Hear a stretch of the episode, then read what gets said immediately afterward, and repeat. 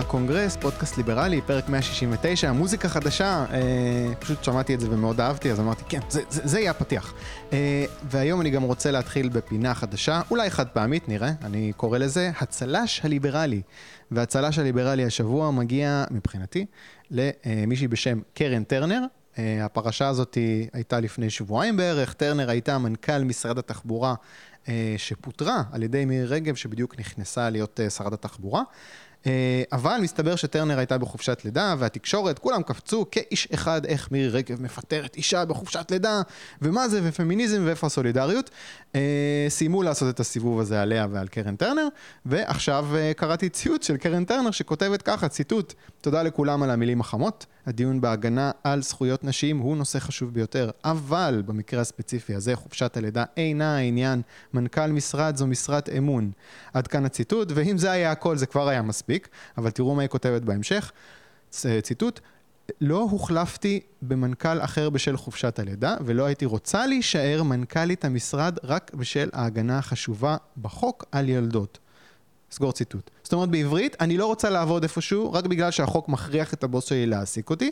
אה, אולי אני רוצה להיות שם בזכות היכולות שלי והידיעה ששווה למקום, אה, למקום העבודה, לחכות שאני אחזור מהחופשת לידה. יש הרבה אנשים כאלה. אה, רק חבל, דבר אחד חבל לי, וזו ההבדלה שהיא עושה שם, היא מסיימת את זה בלא רוצה לעבוד איפשהו רק בשל ההגנה החשובה, החשובה בחוק על ילדות, סגור ציטוט. זאת אומרת, את כרגע הסברת למה ההגנה הזאת לא חשובה ואפילו קצת מביכה אולי, אז למה בשבילך ההגנה הזאת זה רעיון גרוע ואצל אה, נשים אחרות זו הגנה חשובה? אה, ועדיין, הרבה אומץ צריך בשביל אה, להגיד את מה שהיא אמרה שם, אז כל הכבוד לקרן טרנר. ועכשיו אני מדבר עם אורי, אורי עקביה. אורי או אורי? אורי.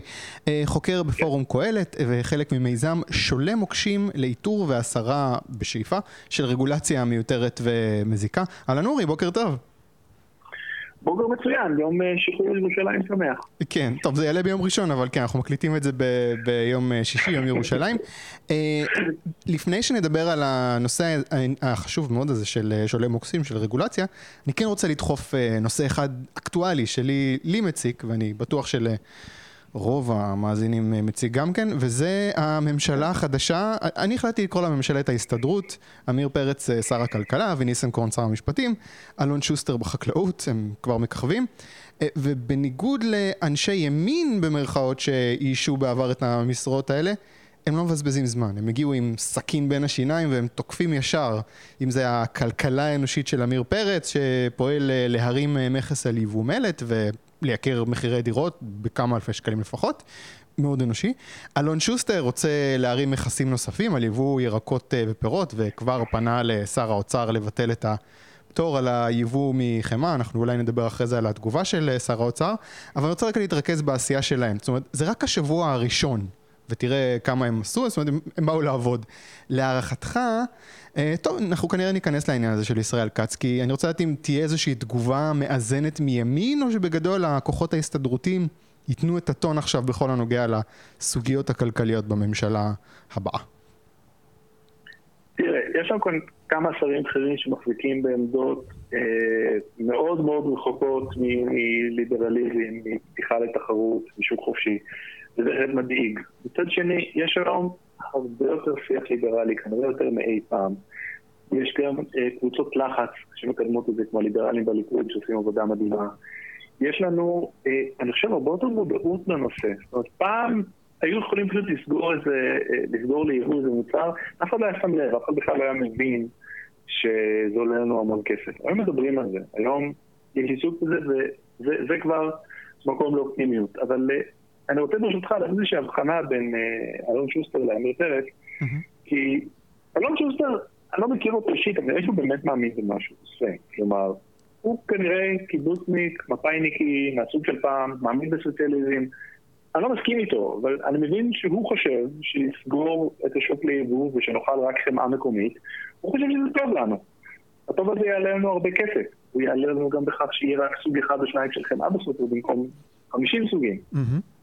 אז אני נגד זה, אבל אני מבין שהוא בעד זה, ואני מכבד את זה. Mm-hmm. הבעיה, מה שעמיר פרץ אה, חושב אולי לעשות עם היטל היצף, אה, שימנע יבוא של מלט, זה, זה משהו שאני לא יכול אה, להבין או להצדיק משום עמדה. כי כל בן אדם בישראל שחי בדירה שילם באופן עקיף על המלט שהשתמשו כדי לבנות אותה, אלא אם כן אתה גר בבית מעץ. וכל מי שעושה שיפוץ קטן מוסיף כי הוא מוריד הוא צריך מלט. כן. עכשיו, מפעל נשר היה פעם מונופול, זה הולך ומשתנה, לאט לאט אנחנו נפתחים ליבוא, זה מוריד מחירים, זה חוסך עלויות. הדירות עדיין יקרות בגלל המון סיבות אחרות, אבל יש לנו אפשרות להוריד את מחירי הדירות אפילו בקצת. אז מה שעמיר פרץ עלול לעשות זה פשוט להיטיב עם קבוצה מאוד קטנה של אנשים, על חשבון כל שאר האוכלוסייה במדינה. אני לא מבין איך הוא מצדיק מהלך כזה. אגב, רגע, אני לא מבין אבל את ההבחנה בינו לבין אלון שוסטר, הם עושים אותו דבר. הוא דואג לסקטור מסוים אחד, ועמיר פרץ דואג לסקטור אחר. מה ההבדל? אלון שוסטר נתן גם טיעונים, או לפחות אנשים מסוגו, מדברים על החקלאות כאל איזה ערך, ערך ציוני חשוב. עכשיו, אני לא, אני לא נגד חקלאות, אני חושב שמי שמתפרנס מחקלאות צריך לקבל את אותו יחס כמו מי שמתפרנס מלהכין פיצות. או לתכנת בהייטק. אני לא חושב שיש את העדיפות לענף אחד משניהם. כן. יש לו ערכים מסוימים שלא שותף להם, אבל בסדר. כן, אבל עדיין, זה... שומע... אבל עמיר פרץ יכול להגיד, חברים, תוצרת הארץ מאוד חשוב, בואו נתמוך בתוצרת הארץ. אפשר לעטוף כל, כל דבר כזה בטיעונים, אתה יודע, איך זה נראה טוב בכותרת בעיתון. כן, כי עדיף לגור בדירה שנבנתה ממלט ציוני, ולא מלט של גויים. כן, לא, ברור שכשנכנסים, ברור שכשנכנסים לעומק זה שטויות, כן, אבל אני רק, אני רק באמת מנסה להבדיל, להבין את ההבדל בין אה, פרץ לבין שוסטר, נראה לי שפשוט פרץ פועל בקנה מידה יותר גדול. יש אנשים, ופגשתי יותר מאחד כזה, שמאמינים שהחקלאות תן לנו ביטחון תזונתי בשעת מלחמה. שאם יהיה איזה... זה חדש. גיאופוליטי. זה חדש יחסית. מלחמות, האמת, אני שומע את זה כבר שנים מאנשים, שאם יעשו איזה אמברגו עולמי עלינו, אנחנו נוכל לאכול את הגמיות המלפפונים שמגדלים פה, וככה נצא למלחמה.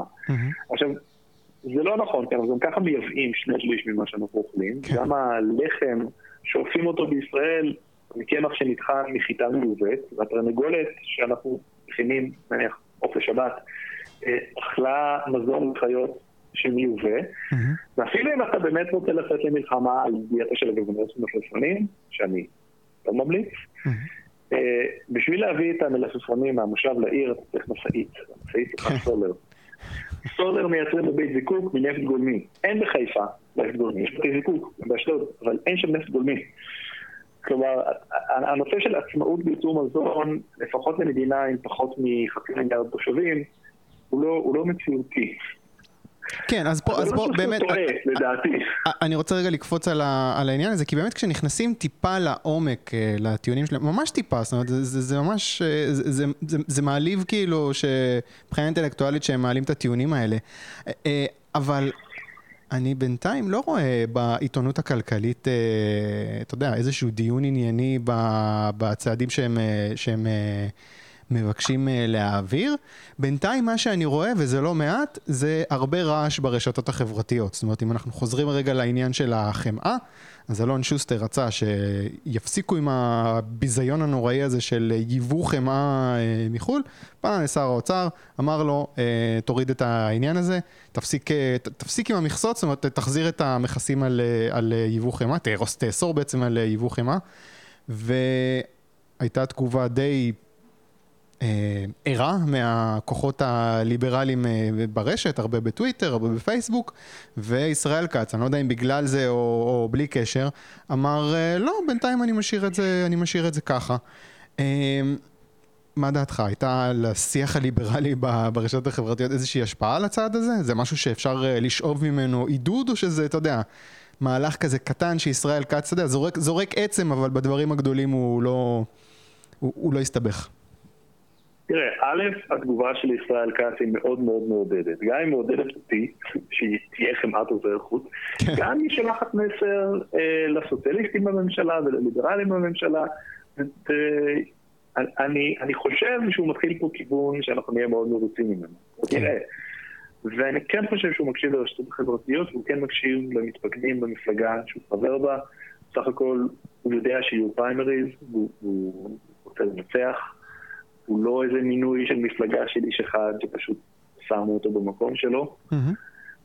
ואני חושב שאפשר להיות אופטימי מהבחינה הזאת. בנוסף, אתה מדבר על תקשורת המיינסטרים, שכן מתייחסים לזה, לא מתייחסים לזה. פעם היו רק עיתונים כאלה וזה ערוץ אחד בטלוויזיה, והתקשורת היא הרבה יותר מגוונת. ברשתות החברתיות, אם זה פעם היה עניין לכמה גיקים משועממים, היום זה הזירה המרכזית. זאת אומרת, זה לא ש... אוי, רק אנחנו ברשתות החברתיות דיברנו על זה, מתי הסכימו לדבר על זה בעיתון. אני חושב שהעיתונים הרבה פעמים הולכים בעקבות מה שיש בפייסבוק ובטוויטר, והשיח הזה, אני מעריך, קשה לי למדוד את זה, אני אומר שהוא כן משקיע, הוא כן משנה. אגב, רק הערה אחת בקשר לזה, זאת אומרת, אולי לשים איזושהי נקודה שחורה לניצחון הליברלי הזה עם ישראל כץ, זה אורי כץ שציין שזה נחמד מאוד שהוא עשה את זה, אבל אורי כץ, זה, זה ירשים אותו כשישראל כץ פשוט יסיר לגמרי את ההגבלות, ולא יהיה פה איזה עניין של, טוב, לשישה חודשים מותר לייבא. הרי זה עדיין כאילו קצוב בזמן, זה לא שפתחו את השוק לגמרי וללא הגבלת זמן. זה מכסה מסוימת לתקופה מסוימת. אז עדיין, הדרך ארוכה, ואני גם כאילו, אני שואב עידוד מהשיח הליברלי, אני גם שואב עידוד נגיד מזה שראיתי את אחד הפלגים בליכודניקים החדשים, אני חושב שאלה ש, שהתפצלו מהליכודניקים החדשים המקוריים, אה, התפארו בזה, שכאילו שישראל כץ אה, אה, שומר על העניין הזה של ייבוא חופשי של אה, חמאה, והציגו את זה כהישג שלהם. זאת אומרת, זה גם מעודד שאתה יודע, אולי... אולי יש עם מי לדבר, אולי דווקא, אולי דווקא הממשלה ההסתדרותית הזאת, היא, באופן פרדוקסלי, תוציא שיתופי פעולה לא צפויים בצד אה, אה, אה, אה, ימין, אבל אני עדיין כאילו...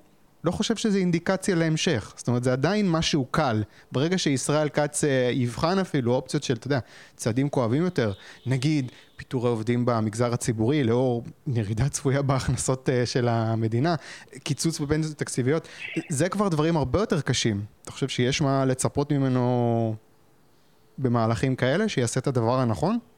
גם אם זה סיכון פוליטי מסוים? תראה, הימין בישראל הוא די שמרני וזהיר, וזה נכון לגבי אה, בנימין נתניהו במיוחד. עכשיו אפשר להגיד, אוי, שהוא לא עושה מספיק, אבל הזהירות הזאת יש בה, יש בה הרבה חוכמה. לעשות שינויים לאט, לעשות אותם באופן בריבתי, זה מדינות בדרך כלל נכונה. עכשיו, mm-hmm. רפורמות גדולות בדרך כלל מתרחשות בשעת משבר. נניח תוכנית הייצוג משעה 85, היא נקודה סופר חשובה בכלכלה הישראלית. כן. אחרי משבר מאוד גדול, שפחות או יותר עמד להיגמר לנו הכסף לכל המדינה. כן. ומי שביצע את זה, ח"כ שמיר, שמעון פרס, שלא זכור לי שהם אה, נכנסו בספרים של מילטון פרידמן, הם לא היו ליברליים מהסוג שאנחנו מדברים עליו היום. פשוט נגמר הכסף, ולא הייתה ברירה. אז נו, טוב, מה צריך לעשות? לעשות מה צריך אה, להתבצע. אה, אני חושב שגם הממשלה הנוכחית, שהיא נראית לא אידיאלית מבחינת ההרכב, בגלל שאנחנו נכנסנו עכשיו למשבר מאוד רציני, יכול להיות שהם יעשו את מה שצריך, לא, לא מסיבות אידיאולוגיות, פשוט כי אין ברירה, הם יעשו את הדבר הנכון, וזה יכול להיות טוב מאוד בטווח הארוך. אוקיי, okay, אני רק רוצה שאלה אחת לפני שאנחנו סוגרים את העניין הזה של ה... הממשלה ההסתדרותית, אני אקרא לזה שוב. אה, אני רק אזרוק פנימה את העניין של גדעון סער, שאתמול uh, צייץ משהו בסגנון, uh, אני שמח, uh, אני קורא לישראל כץ לא לבטל את המכסים, מפלגת הליכוד תומכת בסחר חופשי, ביבוא חופשי. בקיצור, כאילו, עקץ, אתה יודע, עקץ את נתניהו מימין, זאת אומרת, הרי גדעון סער הוא המתחרה הגדול שלו, והוא עכשיו בא להגיד, חבר'ה, אל תשכחו שאנחנו מפלגת שוק חופשי, מפלגה ליברלית, ואני תוהה עד כמה זה כאילו, זה, זה משהו מעודד שאפשר להתעלות בו, שאו, סוף סוף מישהו מאתגר בליכוד את נתניהו מימין בזירה הכלכלית. כלכלית, או שזה כאילו אה, בשנייה שהוא, שאתה יודע שהפוזיציה הזאת לא, לא תיטיב איתו, אז הוא יזרוק את זה לצד ואי אפשר לסמוך על גדעון סער שיקדם איזושהי אג'נדה ליברלית. אתה נתקלת בעניין הזה? תשמע, אני נורא נורא קשה לי לדעת על מי אפשר לסמוך, על מי אי אפשר, אני, אני, אני לא מצליח לקרוא מחשבות של פוליטיקאים, אפילו אם אני יושב פנים אל פנים ומדבר איתו, אני לא יודע מה הוא באמת חושב. Mm-hmm. מה שאני כן יודע זה שגדעון סער ראה לנכון להכות את נתניהו מימין בתחום הכלכלי, כי הוא חשב שזה יועיל לו. כלומר, האווירה היא כזאת, שהוא בשביל למשוך תשומת לב, בשביל למשוך תשומת לב חיובית, הוא מדבר על הליכוד כמפלגת סחר חופשי. ואם זאת האווירה, אז זה, זה, נותן, זה נותן פתח לאופטימיות. כן, אני אקח את זה, יאללה, קצת אופטימיות בכל הסיפור הזה. עכשיו בואו נדבר על, אה, על מסעדות, על רגולציה. אה, תחום שאולי קיבל את המכה הקשה ביותר בעקבות המגפה. קראתי נתון שמתוך 203 עובדים, 203 אלף עובדים בתחום הזה, 150 אלף נמצאים בחל"ת. רבים מהם בוודאי לא יחזרו לעבודה. ויש פה שני עניינים כשמדברים על מה עושים. כי הדבר הראשון שהם רוצים, אם חושב שאני אשאל חלק מהם, זה כסף מהממשלה, תנו לנו חמצן, שנחזיק מעמד. אה, אבל הדבר השני, וזה מעניין יותר, זה כשהם סוף סוף חוזרים לעבודה, בואו תעזרו לנו בלהפריע קצת פחות אה, מבחינת מה שהממשלה עושה. לבטל רגולציה שמכבידה עלינו המסעדנים מסע שהוא גם ככה אה, כבד. אז אני רוצה, בגלל שאתה חלק מהמיזם הזה של שולי מוקשים, בוא תספר קצת על המיזם, על הרגולציה הזו שבן אדם שרוצה לפתוח מסעדה סובל ממנה, אה, אבל גם בן אדם שכבר כבר מפעיל ומריץ מסעדה סובל ממנה, אם, אם זה קורה. אם, זאת אומרת, תעשה לי את ההפרדה אותי אם זה רגולציה רק בשביל לפתוח, או רגולציה גם בשביל לגלגל את העסק. בואו בוא נדבר קצת על רגולציה. כן, אז מיזם שולי מקשים, מיזם שהקמנו ברק הרשקוביץ ואני, מתוך מטרה למפות ולאתר את החסמים הרגולטוריים, את כל. החוקים והבירוקרטיות המיותרים שחונקים בעלי עסקים בישראל ולא מאשרים להם לעבוד, לאתר אותם, להציע איזושהי הצעה לשיפור ולנסות לדחוף את זה לחברי כנסת, לאנשים שמאגפים את נתניהו מימין, להגיד הנה תראו זה מה שצריך לעשות, בואו נשנה. כשאנחנו פתחנו אתר אינטרנט, אנחנו שלחנו גם שאלונים אה, לעשרות אלפי בעלי עסקים. נעזרנו במשרדנים חזקים ביחד, עבדנו בשיתוף פעולה עם השולבנים כדי להגיע כמה שיותר אנשים כדי לשמוע מהם באמת מה, מה בולם אותך, מה, מה תוקע אותך. והנושא הראשון שהצלחנו לסיים ולמפות בצורה מלאה זה הנושא של רגולציית המסעדות בישראל, שהיא מאוד מאוד קשה, ויכול מאוד להיות שמתה רגולציה אחרת המחירים של ארוחת הצהריים יהיו זולים יותר. זה, זה עד כדי כך משמעותי. סיימנו, יצא לנו נייר מדיניות יפה, צבעוני, אנחנו מוכנים לשלוח אותו לכל הפוליטיקאים, ואז בא משבר הקורונה, פשוט אין מסעדות. כן. אז אף אחד לא מתלונן על הרגולציה, אבל גם אף אחד לא מגיע לעבודה. אה, אני מאוד מקווה שהענף הזה יתאושש. עכשיו, לגבי הקורונה, אני אישית אין לי מה לתרום, אני לא יודע מה לעשות. לגבי הרגולציה, אני יכול להגיד לך שאנחנו אה, ממררים את חייהם של בעלי המסעדות עם ים של חוקים, תקנות, תקנים, נהלים, ש... זה פשוט בלתי אפשרי שבעל מסעדה יקרא את זה ויהיה בקיא בחומר. אני, אני עובד בזה. אני למדתי את זה כדי להיות בקיא בחומר, ואני אומר לך שזה לא אנושי. זה המון המון המון כללים. שמה שחמור מזה, שגם הפקחים לא בהכרח תמיד מכירים את כל הדברים, והאכיפה מתבצעת בצורה שפשוט בלתי צפויה. אוקיי, בוא, באמת תסבר לי את האוזן רגע, תספר לי על דברים שאני עכשיו כמישהו שרוצה לפתוח מסעדה, צריך uh, לעמוד בהם. אתה פותח מסעדה, אתה אה, חייב לוודא שהאוכל שאתה מגיש לסועדים יהיה נקי ובריא, ושהם לא יחטפו כאב בטן ויגיעו לבית החולים. נשמע הגיוני. שעד כאן זה תוצאה שהייתי, שאני מסכים איתה, באמת כן. חשוב. הבעיה שהרגולציה, במקום להתעסק בתוצאה, מתעסקת בעיקר בתהליך. Mm. יש לך מקרר במטבח של המסעדה, אתה שם בו את חומרי הגלם, אתה שם בו את האוכל המוכן, איך יהיה מדחום על המקרר, הוא יהיה בין גובה מטר שישים לגובה מטר שבעים מהרצפה, ויהיה בדיוק של חצי מעלת סיבוס. ושם צריך להיות המדחום. אם אין שם מדחום כזה, אז אתה, אתה עובר על החוק אה, פקחים זיוך לקנס. אוקיי. עכשיו, מה שלא מוודאים זה שיש לפחות עובד אחד במטבח שמסתכל על המדחום לפחות פעם אחת ביום, כי מקררים עלולים להתקלקל, זה לא קורה הרבה, אבל זה יכול לקרות. Mm-hmm. אתה לא רוצה לאכול אוכל שהיה במקרר ושיתקלקל. Mm-hmm. כלומר, מתעסקים בתהליך, מעמיסים על בעל המסעדה פרטי פרטים של תקנות וכללים, וגם מתערבים לו באיך שהוא מנהל את המסעדה. הרי מי שיודע לנהל מסעדה זה מי שמנהל אותה. כן. לא פקידים ממשרד הבריאות. גם יכול להיות שהתקנות, שבכלל רובן הן משנות ה-80 המוקדמות, התאימו למה שהיה קיים אז, ומאז יש פה מקררים אחרים, תנורים אחרים. אבל משרדי ממשלה בדרך כלל מתעדכנים לאט, אתה צריך לתת את החופש לבעל המסעדה ננהל אותה כמו שצריך. רגע, רגע, רגע, שנייה, שנייה, אנחנו קפצנו קצת למסקנות ולמה עושים, לא שכנעת אותי, בסדר, מדחום אה, למקרר, נו, אם זה היה רק זה, אפשר להסתדר, אז שמים את המדחום אה, חצי מטר מעל הזה. בוא, תן לי איזה משהו ג'וסי יותר. אוקיי, במטבח. אה, שמבשלים ומתגנים בכל הזמן. צריך שיהיה איזה מאוורר, איזושהי מערכת עיבור שתוציא את האוויר, נכון? אז צריך מערכת עיבור בחדר האוכל שמחליפה את האוויר ארבע פעמים בשעה, זה פשוט יחס של קצב שאיבת האוויר לנפח החדר, ובמטבח לפחות עשרים פעם בשעה. עכשיו תבוא לרגולטור, תבוא למערכת, הוא רשאי לדרוש ממך גם מדף מעל כל מתקן בישול. גם רגולטורים בדרך כלל נוטים להחמיר על החוק הכתוב ולא להקל ממנו. עכשיו אם יש לך איזה מסעדה שמגישה רק סלטים, או איזה משהו אחר, זה לא משנה. אתה צריך לעמוד בדרישות החוק. במטבח גובה התקרה יהיה 2 מטר ו-75 סנטימטר, במחסן 2.5 מטר, בחדר השירות 2 מטר ו-20. אם הרגולטור מאשר, הוא יכול להרשות לך סטייה של עד 5% מהגבהים האלה. כל מה שקשור לתכנון ובנייה בישראל לא בונים בגובה תקרה כזה. כלומר, אם אתה שוכר נכס ואתה רוצה להקים שם מסעדה, תביא שיפוטניק שישנה את גובה התקרה, אחרת לא תוכל להפסיק שם מסעדה. גם המלט עלול להיות לך יקר בגלל הנושא הקודם שדיברנו עליו. כן. שירותים אוקיי. במסעדה, זה בחוץ, לכל הפחות חישוף ידיים, אפילו יותר מזה. אז יפה, אז בתקנות הבריאות העם של משרד הבריאות יש טבלה שמתייחסת לכמה סועדים, אה, לכמה סועדים מיועדת המסעדה, ועל פי זה כמה חדרי שירותים אתה צריך. למשל, אם אתה בין 100 ל-200 סועדים, אז אתה צריך להתקין בשירותי הנשים שלושה קיורים ושלוש אסלות, ובשירותי הגברים שלושה קיורים, שתי אסלות ושתי משתנות. אם אתה מסעדת גורמה מאוד יקרה, ואתה חושב שמשתנה זה לא, לא מתאים לסגנון, בכל זאת, מנות ב-100 שקל, מה, משתנות, אז בעיה שלך, זה החוק. אה, אתה חייב לשים משתנות? חייבים משתנות? זה כתוב. זה החוק. שר הבריאות מחליט, הוא יכול לבטל את התקנה הזאת, לעדכן אותה, לשנות אותה, ושר הבריאות אה, עסוק כיום בקורונה ובימים כתיקונה, בקופות חולים, בתי חולים, סל תרופות. אין לו זמן להתעסק בדברים האלה, גם לעובדים במשרד הבריאות יש סדר עדיפויות. זה לא הדבר החשוב ביניהם.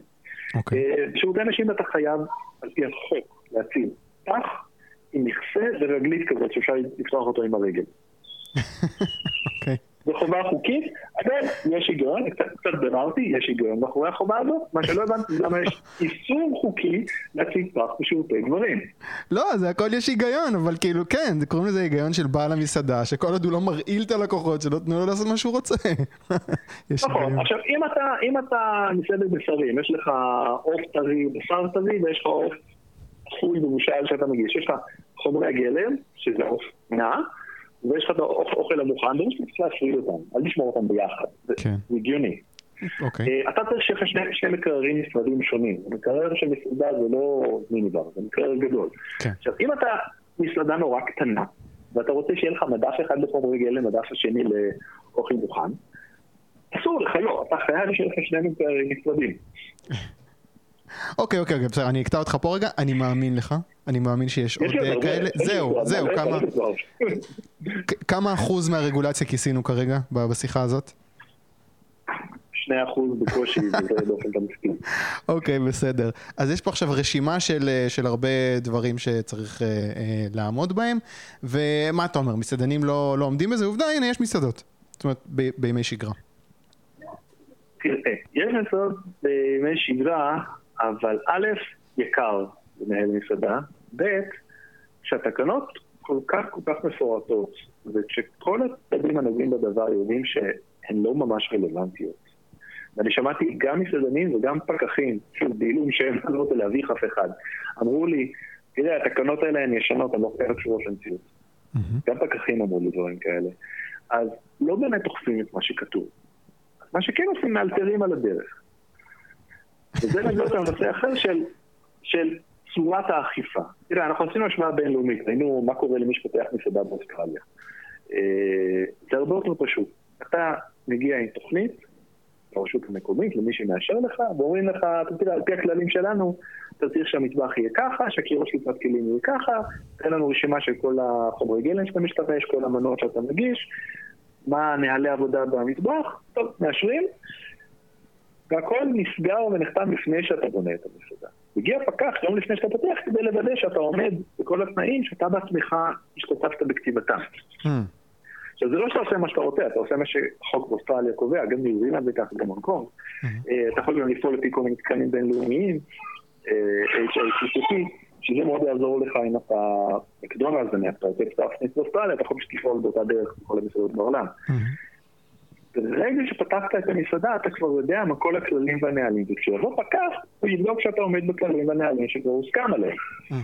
בישראל, די מהר אתה פותח את המסעדה, ואז אחרי שפתחת אותה, יבואו ויגידו לך, טוב רגע, אני מהתכנון ובנייה של העירייה, אתה צריך uh, להוריד את הקיר הזה. ואז יבוא מישהו ממשרד הבריאות, יגיד, רגע, אבל הקיר הזה... רגע, למה לא לפני? למה לא לפני? למה לא להביא את כל הפקחים לפני שאתה פותח את המסעדה?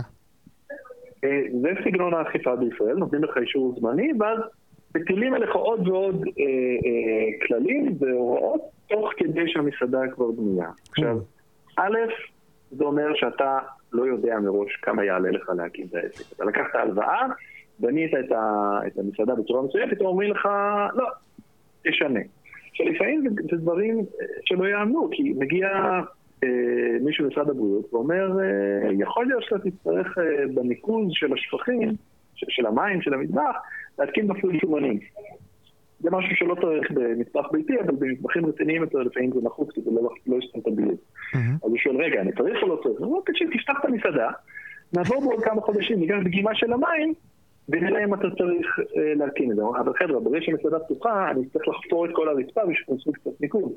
זה יעלה המון כסף, אני אסגור את המסעדה לכמה ימים, אולי שבוע. אין מה לעשות ככה. עברו כמה חודשים, זה סיפור שאנחנו שמענו במסעדה, אנחנו דיברנו עם עשרות מסעדנים. אה, הגיע פגח משרד הבריאות, אמר, כן, אתה צריך אה, לחצות מחדש את פה, להתקין מערכת ניקוז, אבל כבר פתחתי את המסעדה. אז מצד אחד זה לא הוגן.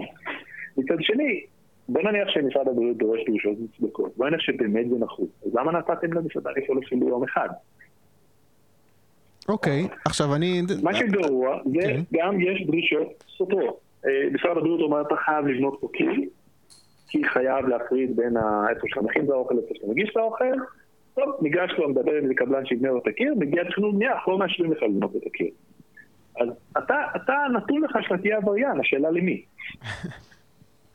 אוקיי, אבל אה, אני מבין את, ה, את הבעיה, אבל אתה יודע, כשאני מדבר עם אה, אה, כל מיני אני אגיד, בעיקר אה, בחוגי הליברלים אה, בליכוד, שאני שואל אותם מה, מה אתם עושים למען אה, צמצום רגולציה, אז אומרים, לא, כן, יש הרבה עבודה, אנחנו מצמצמים הרבה רגולציה, זה יעד של הממשלה, we're on it. זאת אומרת, זה עושה רושם שהם מודעים לבעיה ומטפלים בה. זה קורה או שזה מין רטוריקה כזאת שלא כל כך נוגעת לרגולציה במסעדות? תראה, יש התקדמות מדהימה, ובזכות ההתקדמות הזאת יכולנו בכלל ברק ואני אפילו להתחיל את הפרויקט הזה.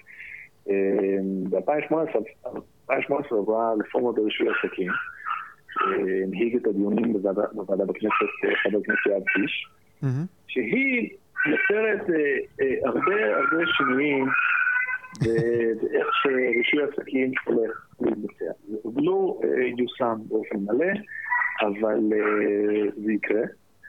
וזה אומר שאתה לא תצטרך לחדש רישיון כל שלוש שנים, אלא כל חמש שבע שנים תלוי בסוג העסק. ועסקים שיוצרים אה, סיכון מאוד קטן יכולים אה, לקבל רישיון מהשיא תקציב, אתה לא בא וניגש למלא טפסים כל הדברים, הוא מסתכל שאתה עומד בכל התנאים, ופותח את העסק. ואז אם אתה לא באמת עומד בתנאים, יצאו כלפיך אה, את הכללים, אבל מספיק תצהיר. והם העלו את כל המפרטים, כלומר, את כל החובות החוקיות שחלות על בתי עסק שונים באינטרנט. נכנס לאתר, יש שם המון המון המון אגפים, אתה רואה מה, מה החובה על מסעדות, על uh, מספרות, בתי מרקחת, מה כל החובות שחלות על מי שמקים חדר מתים, כל מה שאתה רוצה. שם, ואתה יכול להיכנס לראות מה המחויבות החוקית. מה אגב ה... אה, אוקיי, כן, סליחה. שמדובר בעשרות עמודים של טקסט. שבמקרה הטוב כתוב בלשון משפטית אה, לא ברורה, במקרה הרע הוא מפנה אותך לחוקים אחרים, לתקנות אחרות, לתקנים של מכון התקנים, שאתה נכנס לאתר, אתה מגלה שאתה צריך לשלם כסף כדי להוריד אותם, ומתי ואני רוצה לפתוח מסעדה. אומרים, טוב, בוא, בוא נשב עכשיו איזה יום שלם ונקרא את הדברים, ננסה להבין מה, מה אנחנו צריכים לעשות, אנחנו לא נבין. וכמה חשבון שמי שיודע לבשל לא בהכרח למד משפטים. כן. זה צריך להיות מובן לבני אדם אה, רגילים. ועכשיו, בזכות ההתקדמות הגדולה הזאת, יכולנו בכלל לבוא ולהתחיל לנתח את הרגולציה. יש כאן התקדמות. לשנות את הרגולציה עצמה, צריך להקל אותה, וצריך כמובן לשנות את צורת האכיפה, שקודם כל יגידו לך מה הכללים, ויאשרו את הקמת המפעל, אבל רק אחרי זה יאכפו, לא שתוך כדי שמסיעת תופה, ממשיכים להפיל עליך עוד ועוד דרישות. אמ, הזכרת קודם כמה סוגים שונים של עסקים שאפשר להקים ורגולציה בהם. בוא באמת ספר לי, אולי, לא כמו בתחום המסעדות, אבל בוא נגיד תחום נוסף שיש בו הרבה מאוד רגולציה שמקשה על פתיחת עסק. איזה עוד תחום זה מאוד קשה? תראה, תחום שהוא משפיע בעצם על כולם, אם אתה מנסה לייבא מוצרים, יש שני כאבי ראש מאוד מאוד גדולים, מכס ומכון התקנים. עכשיו, לכאורה זה משפיע רק על היבואנים, ועליי ועליך, אנחנו קוראים לזה קסדת אופניים חדשה, כי זה מייקר את המוצרים, אבל למעשה זה משפיע על כל מי שמשתמש בדברים שמיוצרים בחוץ לארץ. זאת אומרת, אם אתה מסעדן ויש לך תנור, הוא לא בהכרח מיוצר בארץ, אז כשאתה מייבא אותו, זה לא לך עוד כסף בגלל החסמים האלה. עכשיו, המכס הנהוג בישראל על רוב המוצרים הוא מאוד נמוך, גם ההכנסות של הממשלה ממנו הן די נמוכות. ככה שזה לא עלות המכס עצמו, אלא העלות של התמודדות עם המכס. Mm. והבירוקרטיה שהם מטילים עליך היא כזאת, שזה פשוט מעכב את הגעת הסחורה ומייקר את כל ההתעסקות. בנוסף, יש לך מכון התקנים. אה, הוא עושה שני דברים. אחד, הוא קובע מהם התקנים הישראלים המחייבים לכל מוצר, אם אתה מייבא ארצה כיסא, צריך לוודא שהוא עומד תקן של הכיסא, או שהוא עומד כיסא שאף אחד לא מרמה אותך. הוא קורא לך משהו עם שלוש רגליים וטוען שיש לו ארבע רגליים.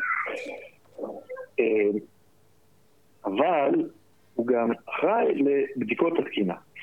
כי זה שמשהו נמכר בגרמניה או בארצות הברית ויש לו תקן אמריקאי ונמכר שם, זה לא מספיק, צריך לבדוק אותו בארץ שהוא באמת עומד בתקן. בדיקות האלה שוב עולות כסף, והן אה, לוקחות זמן, והן מעכבות את כל התהליכים האלה. אפשר לדבר על זה שרוב המקרים לא באמת צריך תקן ישראלי. כלומר, אני מניח שיש מקרים, יש תחומים שבהם אנחנו ייחודיים, לוקחים משהו מיוחד, אבל ברוב הדברים אנחנו משתמשים באותם מוצרים שמשתמשים בחוץ לארץ. אין, אין הצדקה לייחודיות הזאת. זה חסם יבוא. אני רוצה להגיד לך משהו. כן. אני כבר כמה שנים שומע את הטענה הזאת, והיא מאוד הגיונית, ואני שומע את זה בכל מיני הקשרים שונים. הייתה לי שיחה עם הבן אדם שבנה את ה... אה, ליצירת שוקולד של אה, פנדה, שהיה לו סאגה רגולטורית אה, שלמה, והעניין הזה עלה.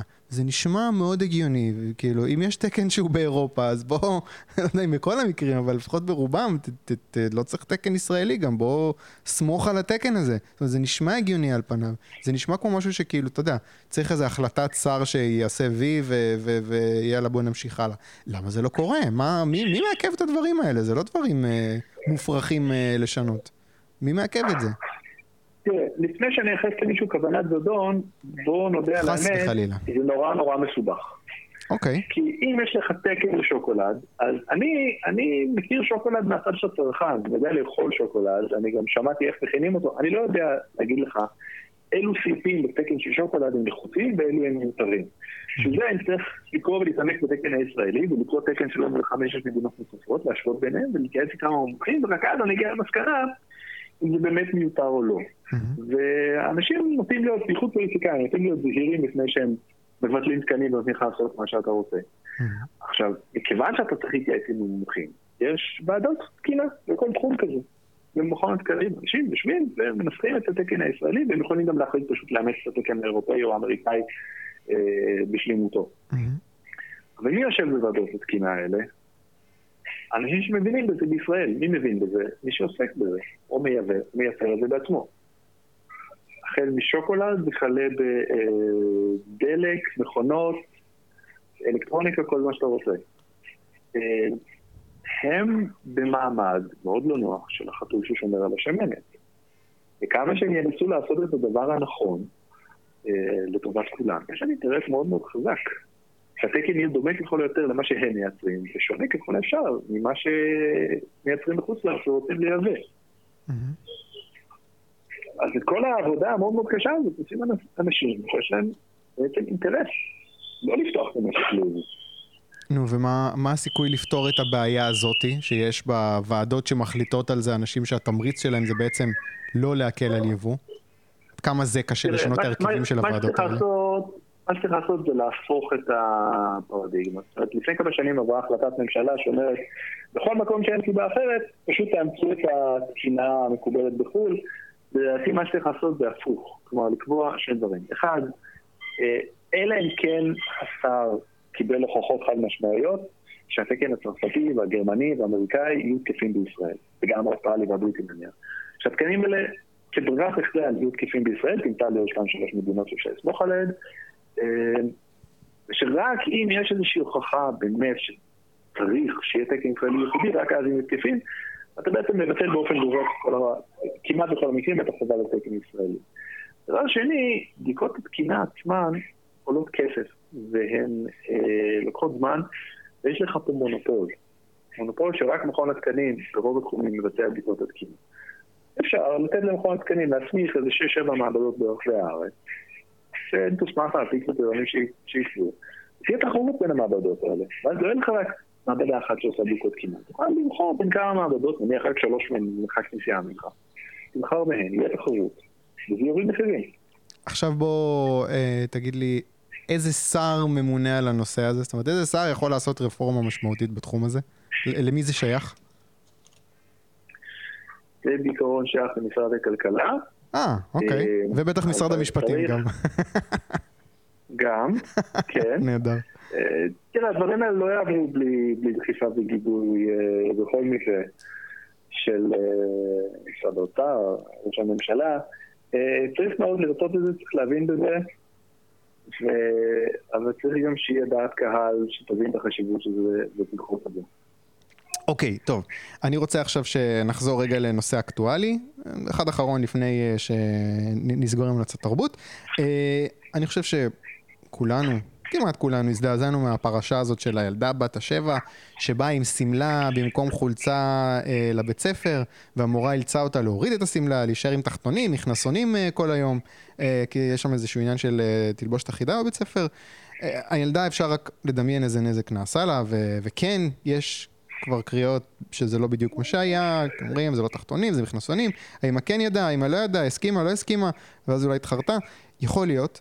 Uh, הנקודה מכל הסיפור הזה, שקשה לי שאין לבית ספר ולמערכת uh, החינוך שום אינטרס בעצם שההורה יהיה מרוצה מהשירות שהילד שלו מקבל בבית ספר.